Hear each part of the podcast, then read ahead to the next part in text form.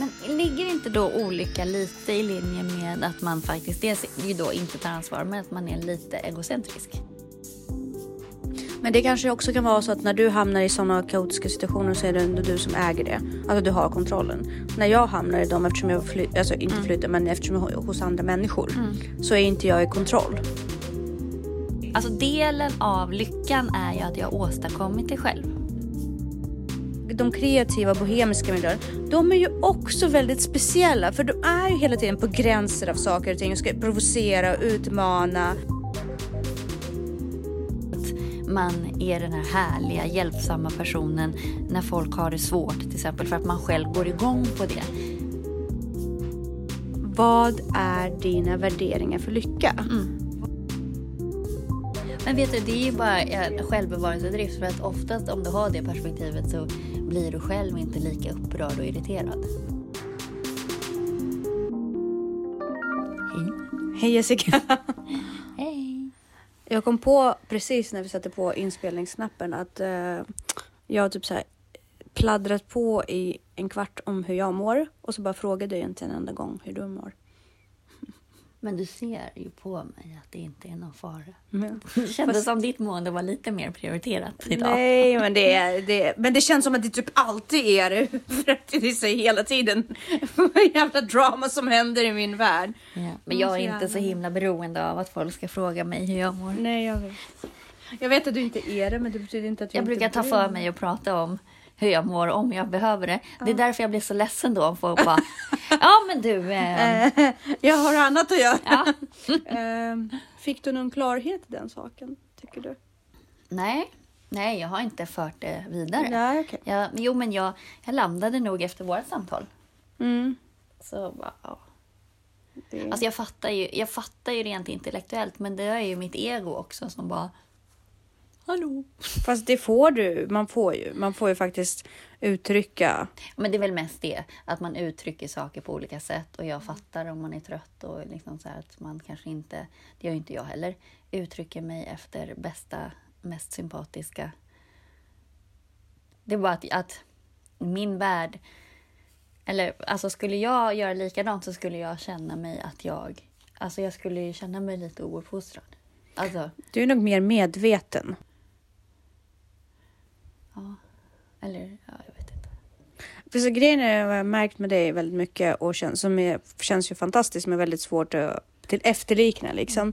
Det är ju att när du gör någonting då kollar du på ditt perspektiv, andra personens perspektiv. Alltså du är så duktig på att liksom ta in alla. Det är som att du kör en så matrix perspektiv på hela situationen. Vilket redan- du tar dig tiden att alltid göra för det känns som att du nästan mekaniskt går in och alltid så kollar av det emotionella läget bara tjoff så har du skannat av allting och alla hur det kan kännas och vad det kan leda till. Liksom Men vet du, här, det är ju bara schackspel. självbevarelsedrift för att oftast om du har det perspektivet så blir du själv inte lika upprörd och irriterad. Mm. Alltså det är ju bara för att jag själv inte ska bli upprörd. Alltså för att försöka förstå. Alltså, för att det blir lättare för mig. Ja, men samtidigt så måste du förstå att det är en fantastisk prestation som du lägger ner varje gång du bemöter någon eller är i konversation med någon eller Men det interagerar är nog med hyfsat någon. på automatik, som du säger. Ja, men andra kanske inte gör det per automatik och därför till exempel sådana här konstanta utsvävningar kräver otroligt mycket energi. Alltså att hela tiden förhålla sig till allting och bara checka av, checka av. Så Fast det lite som fladdermus med ljud vet du, bara så kolla av alla. Nej men ibland missar jag ju, men då mår jag för sig dåligt av det. Men, Exakt, du har det inbyggt men det går åt mer energi för mig att gå runt och störa mig och vara irriterad. Fast det behöver man inte göra, man kan också bara inte bry sig. Alltså inte för att man är dålig Fast- människa, nej, men för utan att för jag- att man inte orkar Fast jag blir ju fysiskt. irriterad och stör mig Jaha. om jag inte... Oftast. Det är För- klart. Ja, för, för, för mig blir det så att de, när jag är inne i mina svackor och är riktigt trött, alltså när tröttheten tar över, Jo, när man inte klart. orkar, då bryr jag mig. Alltså jag blir så avtrubbad. Ja, jo, men det blir man ju. Men, där Men- tror jag att jag blir mer avtrubbad i min yttre miljö. Mm, Alltså då, då kan jag vara i kaos. mm, Men och ju mer jag vänder mig inåt, men jag släpper nog aldrig det inre. Liksom. mm, Att jag blir bara avtrubbad på det yttre. mm. Det är Det är, det är kan- nog också en styrka tror jag, därför att jag, kan, jag är jättepåverkad av yttre. Det är jag verkligen inte. Ja, men det är så skönt. Alltså på riktigt. Det jag säger det Det med... skulle inte jag palla. Nej, jag vet. Jag förstår det för nu befann jag mig i en ganska kaotisk miljö i helgen. Ja. Och jag blev ju liksom som ett barn. Alltså jag blev trött och kinkig och grät. Jag stänger bara ner. Jag befinner mig i en extremt kaotisk miljö just nu. Mm. Jag stänger, jag bara passerar. Jag stänger ner. Det är skönt att man... För att jag, jag får göra det. Antingen så tar jag tag i det och städar upp. Men jag har inte den tiden Nej. just nu. Nej. Eh, jag kommer göra det. Jag måste göra det här inom några dagar. Eh, men fram tills nu så har det varit annat som har varit högre prioriterat. Och då... Men det kanske också kan vara så att när du hamnar i sådana kaotiska situationer så är det ändå du som äger det. Alltså du har kontrollen. När jag hamnar i dem, eftersom jag fly, alltså inte flyttar, men eftersom jag är hos andra människor, så är inte jag i kontroll.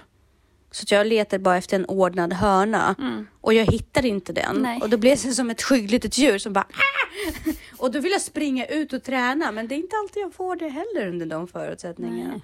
Så att eh, det, det är en väldigt svår inpressad Men man kan ju alltid ha ordning i sin hörna med sin lilla väska och sin... Ja, precis. Och det är där jag landar, liksom, Ja, att jag har liksom frenetisk ordning i min, mina resesaker och liksom Mm. på den lilla plätten som är Ja. mig tillägnat.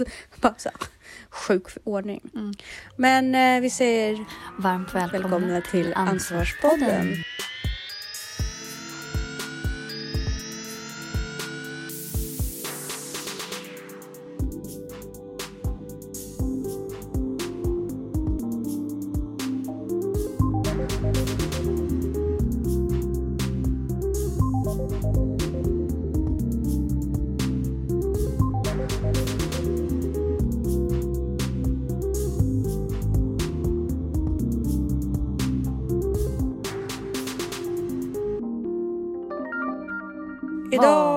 Blir det idag? Idag har vi ju kommit fram till att vi behöver prata lite lycka och olycka. Mm. Och vi har ju pratat om båda eh, i varsitt avsnitt. Mm. Eh, vi har ju pratat om vägen till att bli lyckliga. Det handlar väldigt mycket om att kunna sina egna värderingar, Mm. integritet Mm. och kunna se skillnad på var jag har varit och vart jag är på väg Mm. i jämförelse med andras prestationer. Och är det verkligen det man är ute efter? Mm. Eller bara påverkar det? Och men jag har inte pratat lika mycket om olycka rent av. Mm. Men det är också det är liksom sam, eh, annan sida av samma mynt. Mm. Varför är man olycklig? Mm. Och det är ju bristen på de här sakerna. Mm. Men vi kan väl grotta oss lite i det idag. Ja. Och tyvärr är ju lycka relativ. Eller Mm. olycka skapas ju av... För du kan vara jättelycklig och nöjd med en sak tills du kommer och jämför det med något annat så Mm. blir du medveten om att... Det är lite det här så här, oj, jag var inte medveten om att det var så synd om mig. Mm, ja, precis. det var, så- jag hade det så svårt. Nej, men allt är ju relativt och folk med väldigt knappa resurser kan ju vara jättelyckliga Mm. i sin miljö. Medan folk med hur mycket resurser som helst kan vara otroligt olyckliga. Så det är mycket också hur... Det ligger ju dels i en själv, men också hur man värderar sig själv i jämförelse med andra. Men också vad man liksom lägger i begreppet lycka, tänker jag. Mm. Eh, för det Ja. som gör en person lycklig kanske inte... Det är helt egalt för eh, en annan.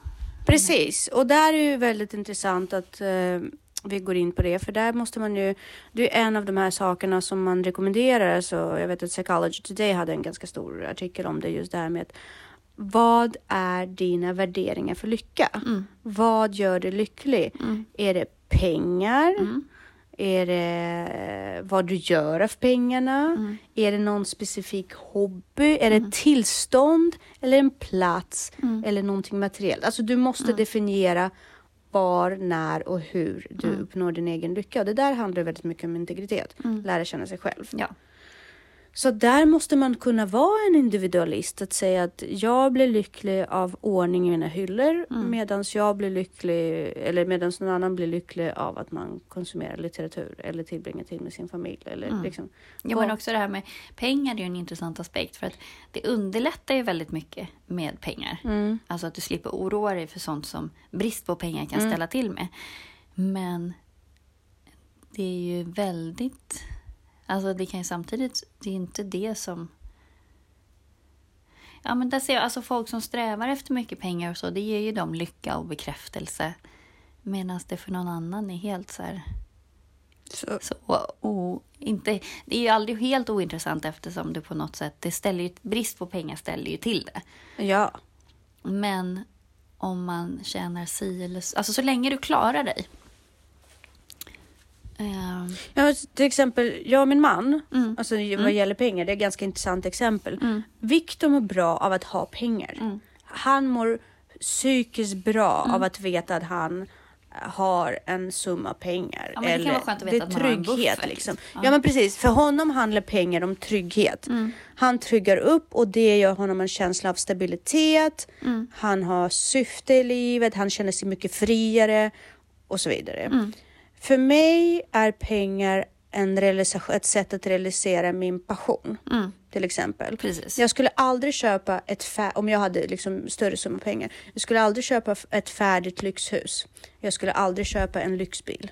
Jag skulle aldrig Nej. köpa en lyxbåt. Däremot skulle jag köpa en rusta upp hus Mm. och rusta upp den själv. Ja, men för där För- har du en poäng just det där i känslan att ha gjort det själv.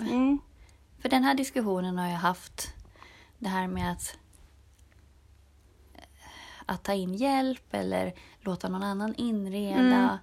Men då blir det ju inte... Alltså känns, det härliga är ju att känna att det här har jag gjort själv. Alltså jag har städat det här rummet själv. För att om någon annan har gjort det, liksom städat eller inrett eller vad det nu kan vara, då kan jag lika gärna bo på hotell. Då är det inte hemma längre. Då är det någon annan som har liksom Precis. Alltså delen av lyckan är ju att jag åstadkommit det själv. Precis, och där tror jag att man är lite olika av vad det är man eftersträvar. Ja. Du efter, eh, i, det här, i den här diskussionen då, eh, så syftar du på att man eftersträvar att finna lyckan själv. För mig är lyckan möjligheten att vara kreativ. Städprocessen är inte en del av min kreativitet. Nej. Däremot om det inte är städat hemma, då kan inte jag sätta mig och måla eller Nej. Göra annat kreativt, pyssla eller för då må, den biten till, alltså det, det stressar min kreativitet till exempel. Så jag outsourcar den biten som stressar min kreativitet och ägnar mig mer åt det kreativa. Eh, jag är ute på landet ganska mycket nu och scoutar hus. Och det är också en intressant grej för att jag faller för de här lite mindre lite sunkigare hus som jag känner har en själ. Och jag ser all potential. Som bara, och här skulle man kunna bygga till eh, Men snickarglädje. vill du göra det själv eller vill du anställa någon att göra? Jag vill ju göra det själv i den mån jag kan. Mm. Men jag har inga problem med att outsourca typ rörmokeri eller någonting sånt Nej. som jag känner inte jätte inte spånar på min kreativitet så mycket. Men processen av att bygga, i- alltså vara involverad i födseln, förlossningen Mm, av ditt eget hem finns ju där. Mm. Till kontrast, eh, I kontrast till min man till exempel som skulle lätt kunna köpa färdig nyproducerad fräscht. Mm. Klicka hem möbler från, alltså bara du vet Ja. såhär, eh, istället för att gå i second hand och leta efter den perfekta soffan Mm. och perfekt sliten fåtölj och liksom så. Mm. Att han löser mer problem, alltså för honom är det problemlösning för det spånar inte på hans kreativitet lika Mm. mycket. Men ingenting av det, alltså pengar är ju bara ett medel. Precis, och där också när om pengar i sig är lycka så är det ju lycka att då köpa sig saker som speglar att du har de här pengarna. Mm. Oavsett om det då är snyggt eller inte. Alltså, en del går ju igång väldigt mycket på att så här, bara... Statussymboler, Ja, liksom. statussymboler vare sig bara för att det är status. Mm. Men helt ärligt, är den snygg? Det spelar ingen roll. Nej, nej precis. Och där har jag sett många hus som är inredda efter den Mm. liksom, eh, psykologin till exempel. Men där, det, där skulle jag aldrig, Nej. alltså om det är något, en, en sak som är väldigt dyr, jag har ju fått väldigt dyra saker i present. Mm. Om det inte återspeglar min stil eller Nej. min personlighet, jag använder inte det. Nej. Jag säljer det vidare eller vad det nu kan vara. Jag kan inte. Nej. Jag har ju hellre liksom saker som jag känner är, har själ, alltså som har min personlighet. Men det, och det är det som ger mig, gör mig lycklig, det är att få uttrycka mig själv. Mm. Så att jag måste få vara mig själv, uttrycka mig själv. Ja, precis. liksom För vi pratade ju om det här, liksom, vad ens drivkraft är. Mm. En produktivitet på en så hög nivå. Mm. Du ser skeptisk ut. Mm. Jag bara vet inte om det är så bra. Så det, det, alltså, där, där tror jag att man ska vara väldigt försiktig kommer- med att lägga en värdering i vad, om det är bra eller inte bra att man är på ett visst sätt. Jag tror att det är Ja. bättre att utgå från att acceptera det Ja. och ju mer man accepterar det Mm. och man fyller den koppen, liksom, då tror jag mer man kan stilla djuret som blir Ja. så här väldigt hispig när det inte tillgodoses. Liksom. Exakt. För jag är också väldigt, alltså jag har ju väldigt mycket prestationsångest i Mm. mig också. Det har jag ju. Jo, men det har ju alla. Men det uttrycks inte på samma sätt. Jag måste ha det på ett visst sätt. Mm. Om jag inte har det på ett visst sätt så blir jag väldigt orolig. Mm. Om jag inte får Men det är ha... ju kontrollbehov. Ja. Och det handlar om trygghet. Mm. Liksom, så att... Men det, dit kan man ju bara komma när man har läst ett antal böcker, tillbringat många timmar i ångest och verkligen vill, vill hitta vägen till lycka. Men ångest är egentligen bara att kroppens, alltså det är en odefinierad rädsla, men det är kroppens sätt att säga, till, säga att något inte stämmer. Mm. Du är inte där där du borde vara. Ja, Av någon anledning. precis. Ehm, men det finns ju massa olika anledningar till att man är olycklig. Eh, men det finns ju massa, alltså de vanligaste grejerna är att man är missnöjd med sitt jobb. Mm. Eh, att man har dålig ekonomi. Mm. Att man inte har några fritidsintressen. Mm. Att man tror att saker är lycka. Mm. För det mäter du ju bara med andra hela tiden. Precis. Att man är ensam. Eh, att man fokuserar för mycket på det förflutna eller på framtiden. Att man inte har förmågan att vara i nuet. Att man jämför sig. Och sen den här inställningen att man är negativ. Att man bara ser antingen man är liksom riskavärt eller att man ser glaset som halvtomt. Fullt hela tiden. Va? Att man Halv, alltså, halvfullt, Ja. eh, halvtomt hela ja. tiden. Precis, pessimist är man när man ser Men glaset. allt det här har ju med ansvar att göra. Mm. Man, och just det här att man inte har någon humor faktiskt. Ja, Att man inte kan se det roliga i saker. Det måste ju Ja. göra saker väldigt trista. folk som tar sig själv på alldeles för Ja. stor allvar är lite oskärmiga. Mm. De tar sin egen hög person för högt uppe. Men det är att man inte har humor.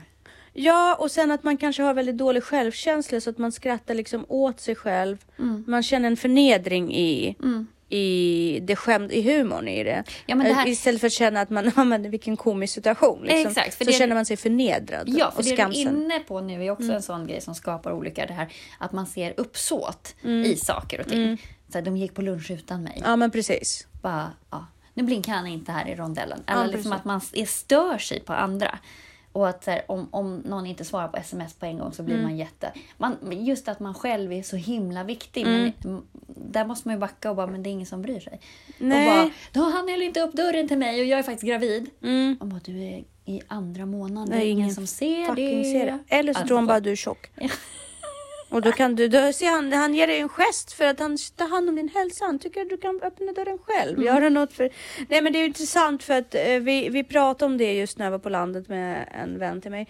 Han är i och för sig väldigt ung, Mm. men jag förstår hur han tänker. Han är, han är asocial och väldigt rädd för sociala situationer och sådär. Mm. Och så var han och eh, åkte bil på en eh, mark, som är, alltså på en privat mark. Mm. Man får ju vara där, men det är fortfarande privat mark. Vart på det red två kvinnor Mm. där i området och eh, när han åker förbi deras, eh, de, de, de i spåret Mm. så frågar ena kvinnan det så här, letar du efter någon? Mm. Och då sa han någonting med i stil med nej och så körde han iväg liksom. Mm. Och då tyckte jag att hon var väldigt otrevlig och ifrågasättande. Så här, varför ska hon fråga För mig? att hon kanske trodde att han var ute och rekade eller hon kände sig hotad och trodde han var typ kriminell och var Ja. ute för att göra brott. Eller så var det Eller hennes ville- mark. Ja, Det var så kanske ville hon hennes, hjälpa ja, till. precis. Liksom. Det var kanske hennes mark och Ja. så undrar hon faktiskt Ja, vad han gjorde där med sin bil och varför han var där. Alltså om han bara skulle säga ja, jag bara kollar området för jag är nyinflyttad, vilket var fallet liksom. Då tror jag säkert, så det är bemötande, men han Mm. var ju jätteupprörd. Bara så, varför så otrevlig, så misstänksam mot mig? Det är för att jag inte kör en fin bil och hade jag varit här i en liten jeep då kanske det, du vet så. Mm. Men, men nej, det, jag, då sa jag det. Men tänk om hon ägde marken, där hon var markägarinnan liksom. Du ska alltid hitta på ursäkter till folk. Eller att hon såg att han, hon ville lösa problemet. Ja. Du verkar inte veta vad du ska. Ja, kan jag hjälpa precis. dig? Precis. Ja, men just det här gör ju Ja. att man, det, det, det måste man jobba på själv. Där har- alldeles rätt i. Det där handlar väldigt mycket om eget ansvar. Men ligger inte då olycka lite i linje med att man faktiskt dels ju då inte tar ansvar, men att man är lite egocentrisk? Jo, definitivt. Att man ser sig själv som det viktigaste som allt kretsar kring och folk lever inte upp till ens förväntningar eller att, ja, att man får inte den uppmärksamheten man tycker att man förtjänar. Det där är, är liksom kärnan i det hela, men det handlar i mina ögon om mognad. Ja, precis. Alltså det handlar ju egentligen om mognad, Ja. därför då gör man inte det här som jag sa i början av programmet att du gör. Man lyfter sig inte och kör inte det här helikopter matrix perspektivet och, Och bara det gör jag ju för att scanna- inte bli ledsen. Ja men precis, Ja. scanna av allting, alla faktorer bara ha, det rimliga är att jag inte står i centrum av den här situationen Mm. utan att jag, jag är bikaraktär i bara hennes ridtur på hennes mark Mm. och bara, hon bara undrar. Och så. Och inte så här, det är riktad attack mot dig och Nej, alla ögon. det är väldigt sällan det handlar om en själv. Det handlar ju mer om Exakt. folks... Men också det här att man inte, om man inte vågar ta risker Mm. och inte vågar och håller tillbaka sig själv och är lite oförlöst, då blir man ju också olycklig när man ser andra som vågar. Den här Precis. avundsjukan. Precis. Ja, och då känner man, åh, var, var, varför de så himla eh, kaxiga och Mm. visar framfötterna hela tiden. Liksom så här, vem tror de att de är? Hela, Mm. hela den grejen. Och det är också så här, varför ska de inte? Alltså Nej. ge mig en anledning till varför en person som vill. Där är ju kvinnor ganska dåliga faktiskt på att... Alltså det är ofta kvinnor som fäller kvinnor. Alltså som, Män reagerar ju inte så, så ofta. Mm. Nej, Med män så här, bryr sig inte vem så mycket. tror de att de är? Nej, nej, alltså, men män de bryr sig inte. Det Nej. bara fladdrar för vad kul. Ja. Så. Medan tjejer är ju mycket, mycket mer så att så här, Jag skyller på hormoner. ja, Nej men alltså på riktigt, jag tror att det är ungefär samma sak som gör att män inte riktigt kollar av lika bra när man, när liksom man blir ledsen om de inte lägger märke till någonting. De är helt enkelt inte där. Mm. Nej. Deras hormonella funktion eller hormonella insprut s- ger dem helt andra signaler. Mm. men sen är det kulturellt betingat också. Ja, alltså att de har en annan, eller historiskt har ju kvinnor haft mer, dels har vi inte, har vi ju, det är väldigt nytt att vi faktiskt får bestämma över oss själva. Ja. Så då är vi ju mer hotade. Ja, Eh, men, eh, spännande... men samtidigt borde man ju då se det till vad det faktiskt är just nu. För att de flesta män är ju väldigt supportande. Alltså man borde inte som kvinna vara så hotad.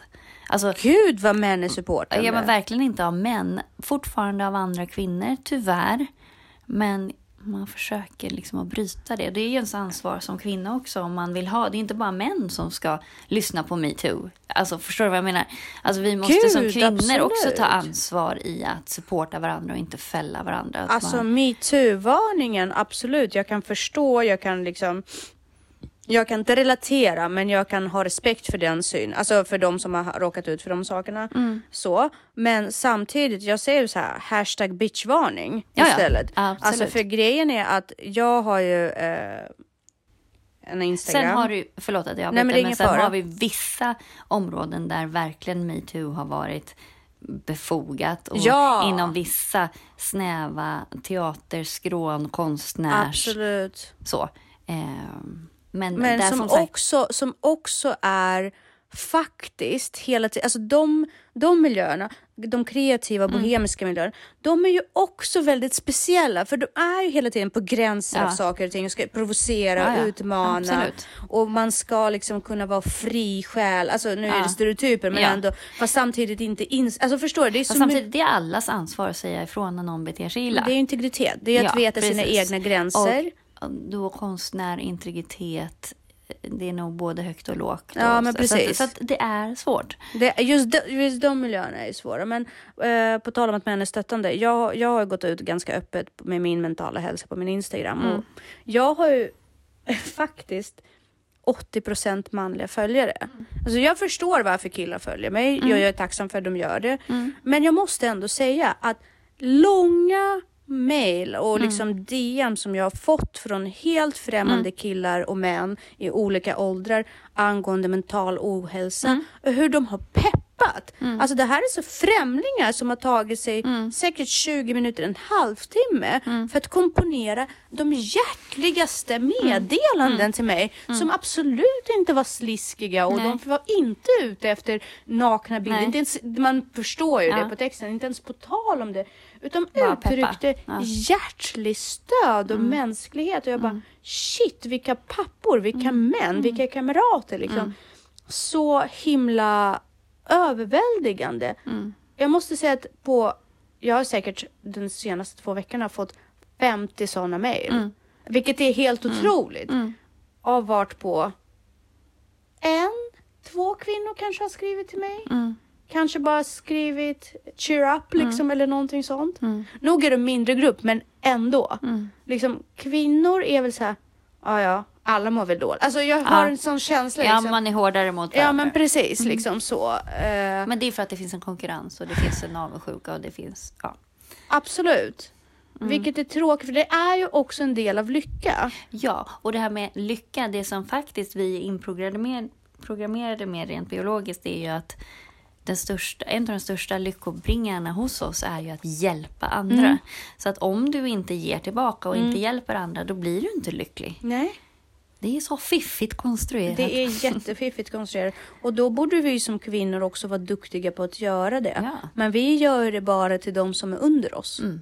Alltså, ty- tyvärr. Jag har märkt att väldigt många kvinnor väljer att hjälpa sina kompisar som är i väldigt stor underläge. Mm. Där man kan känna så här, "Åh, jag kan komma ner och vara lite hög. Mm.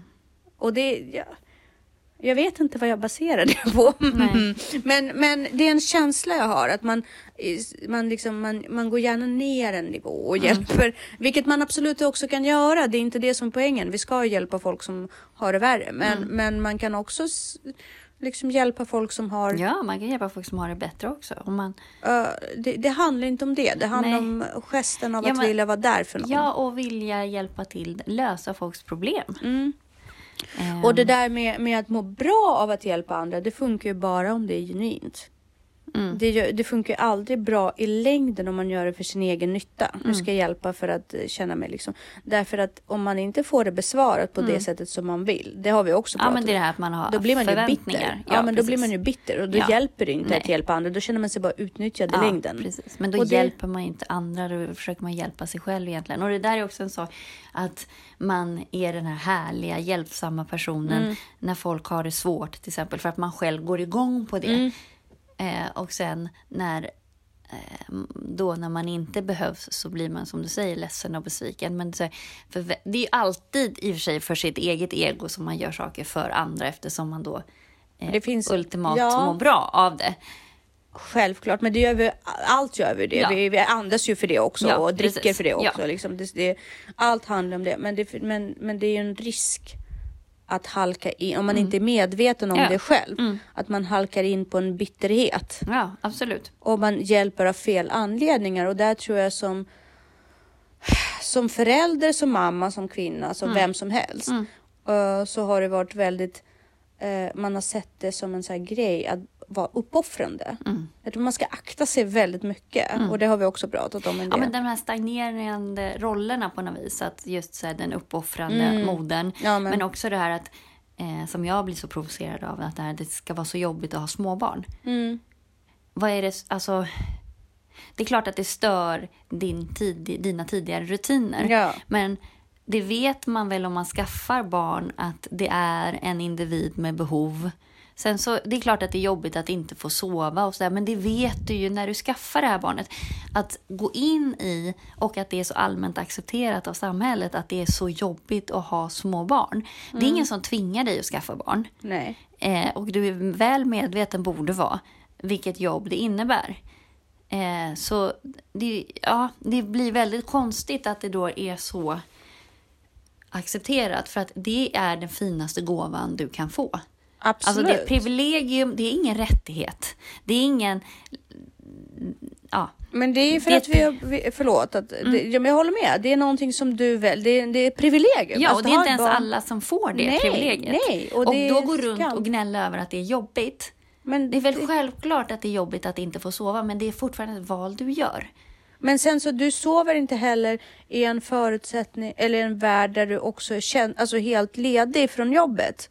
Det är okej att du inte sover därför att du är ledig Ja, för bara att det privilegiet. Det är inte ens Ja, så många nej, länder precis. som har det Nej, heller. men precis, för du får liksom vara med ditt barn ja. var i ett helt år. Ja, i Israel får du vara Ja. med, med ditt barn betalt i, i två veckor tror jag. Ja. Eller en månad Ja. beroende på. Sen får du börja jobba och, alla, och samhället skiter i Mm. vad du gör av din unge. Då kan det vara lite jobbigt att inte få sova om du också måste jobba. Ja, och det jobbiga är ju sen att inte få vara med sitt barn för Ja. att man måste jobba. Eller att man måste Precis. liksom... Och, och, och samtidigt det här med, med att tycka det är jobbigt med barn och Mm. så. Eh, när man får barn. Då måste man det- väl erkänna, förlåt nu avbröt jag dig, men det man måste erkänna är att jag har det jobbigt med mig själv i förhållande till det här barnet. Det är inte Precis. barnet som är jobbigt. Precis. Vi är uppfostrade i en servicesamhälle Mm. där vi är kunder hela tiden. Så vi köper, alltså i vårt huvud, Mm. i, i hur samhället, vi har köpt oss tjänsten. Mm. Vi har börjat prenumerera på tjänsten av att vara förälder. Men den motsvarar inte riktigt Nej. våra förväntningar. Så nu, nu går vi till vården. Vi appellerar det här. Det Ja. här funkar inte bra. Nej. Vad kan jag göra för att det här ska liksom, vad, vad kan jag konsumera Mm. för att det här ska bli bättre? Och vården är så här, well, det är ju så här att vara förälder. Och man Mm. säger, men ingen har berättat det för mig. Och så blir man lite så här nästan snopen Mm. som jag kunde ha blivit. Så här, ska det vara så här jobbigt? Nej men förstår du? Istället för att tänka på det här fantastiska privilegiet att du har fått förmånen Ja. att... Ja, och jag kan säga så här, jag gick i och för sig en eh, postförlossningsdepression som Mm. inte riktigt blivit botad. Men när jag kollar tillbaka på Elisabeths video nu när hon Mm. var liten, när hon var bebis, alltså jag gråter varenda gång. Jag gråter för det var så, det var så fantastiskt Mm. och underbart och så genuint och hon var fantastisk bebis och sådär. Mm. Så att jag tycker är för jävligt att inte ha ägnat mer tid åt henne Mm. då och bara tänkt ja, ja, ja, me, myself and I. Så att, att uh, åldern på barnafödarna har ökat lite är nog ganska bra tror jag. Ja. Att man är lite mer mogen när man skaffar barn. Mm. Ja, om- faktiskt. Att man, man liksom har gått igenom Att det här man jag, jag, förstår. jag stadiet. Ja, Liksom. Det är lugnt. precis. Jag, jag har käkat tillräckligt med, med godis. Jag har varit ute tillräckligt med många nätter. Jag har liksom köpt tillräckligt med saker. Nu kan Ja, jag skaffa också så här, barn. våga vara ärlig mot dig själv. Det kanske inte är din grej att skaffa barn. Nej, det var det är ju definitivt så- inte det min. Alltså inte just din grej, men alltså Nej. att man Nej, tänker... nej, Men att samhället trycker på så hårt. För det är också Mm. att folk tänker, känner inte ens efter, man ska bara skaffa barn. Ska man verkligen bara Mm. skaffa barn? Om det är så fruktansvärt jobbigt, varför ska du göra det? Ja, men precis. Och om du verkligen inte vill, om du inte vill ge upp din frihet, din Mm. kropp eller vad det nu kan handla om, dina pengar liksom. Gör det inte. Nej. Och vill du det, bara njut av det härliga då. Ja, Sen så är det väl klart att så här, ja, det här är en utmaning. Alltså jag tycker att det är jobbigt med den här konflikten till exempel. Eller jag tycker att det är jobbigt för jag vet inte hur jag ska agera i den här situationen. Eller att man ställs inför dilemman eller så. Absolut, det kan ju vara sådana saker som är jobbiga. Men det är inte jobbigt. Det kan aldrig vara jobbigt att ha barn. Så här, småbarn är så jobbigt. Alltså det känns... Ja, jag går ju igång lite på det här, så att vi kanske ska bara bryta. ja, ja men, alltså, men, men också var, vad är lyckan? Är din lycka att ha en stor familj? Mm. Då, kommer det, då kan du liksom, ditt barn kommer vara där när du är sen gammal och gaggig och allting Ja. förhoppningsvis. Så att det är väl att du är här när den är liten och gullig och ändå är inte så äcklig när den skiter på sig som du kommer vara när du är 80 liksom. Ha lite det perspektivet. Ja, och där lycka är ju relationer på något sätt. Ja. Och- det är också intressant för en, en bit av, av lycka är ju som du säger relationer. Mm. Och där, ehm, där är det väldigt intressant varför man har relationer överhuvudtaget. Mm. Det är också en väldigt stor bit av lycka. Ja, för relationer blir ju olika beroende på för vems skull de är. Och det är klart att de är för din egen skull i grund och botten. Mm. Men hur mycket tid ger du relationen? Alltså hur mycket tid lägger du ner på att, åt, att upptäcka den andra i relationen? Och hur mycket tid lägger du ner på att få bekräftelse själv? Precis. Varför är du där? Och det är inget som är rätt eller fel, men du måste ändå... Men det är bra att vara medveten. Ja, precis. Eh, exakt, för att, till exempel jag har ju väldigt lätt för att skaffa relationer. Mm. Alltså sociala band. Jag har lätt att öppna upp mig och sådär. Men, men jag har lika lätt att kapa. Mm. Alltså jag har verkligen jättelätt att kapa. Jag har jättesvårt att kapa. Men jag är ju svårare att... Jag har jättelätt för att skapa sociala relationer. Det gör jag hela tiden. Mm, precis. Eh, men jag är nog ganska duktig på att snabbt avgöra om det här är en Ja keeper eller precis. inte. ja men precis, det är ju det. Jag, kan ju in, alltså jag har ju jättesvårt för att kapa relationer som är fa- alltså som på något sätt har blivit fasta i mitt liv. Ja. Och därför har jag väldigt få. Mm. Jag har verkligen liksom avskaffat alla Mm. bekanta vänner som, jag inte, som jag känner jag inte Mm. lägger ner 100% energi på. Men, men jag har ju väldigt lätt att liksom kapa med folk som har visat väldigt stort intresse för mig eller som jag känner att jag har haft jättebra träffar med men jag vill inte fortsätta liksom. Så jag, har väl, jag är inte svårt att liksom säga det här behöver jag inte i mitt liv. Nej. Det finns ju människor som går jättemycket igång på att de får uppmärksamhet Mm. och fastnar Mm. i de relationer Mm. och bygger relationer utifrån att de får Mm. uppmärksamhet. Precis. Och det ska man ju vara försiktig med. Ja, det är så. Ja, du, det här är ju spännande. Det finns ju massa vägar till olycka och lycka och det gäller att analysera sig själv. Mm. Men jag tycker att eh, vi har benat ut lite grann i alla fall. Ja, men det handlar ju om att lära känna sig själv och ta mm. ansvar för vad man egentligen tycker. Ständigt ett ansvar. Alltid. Men annars så hamnar man på ett läge där man lurar sig själv. Och då, är man, då gör man massa saker. Annars hamnar man på sin egen shitlist. Ja, men precis. Och det vill man ju. Bitter och jobbig. Ska vi säga tack och hej?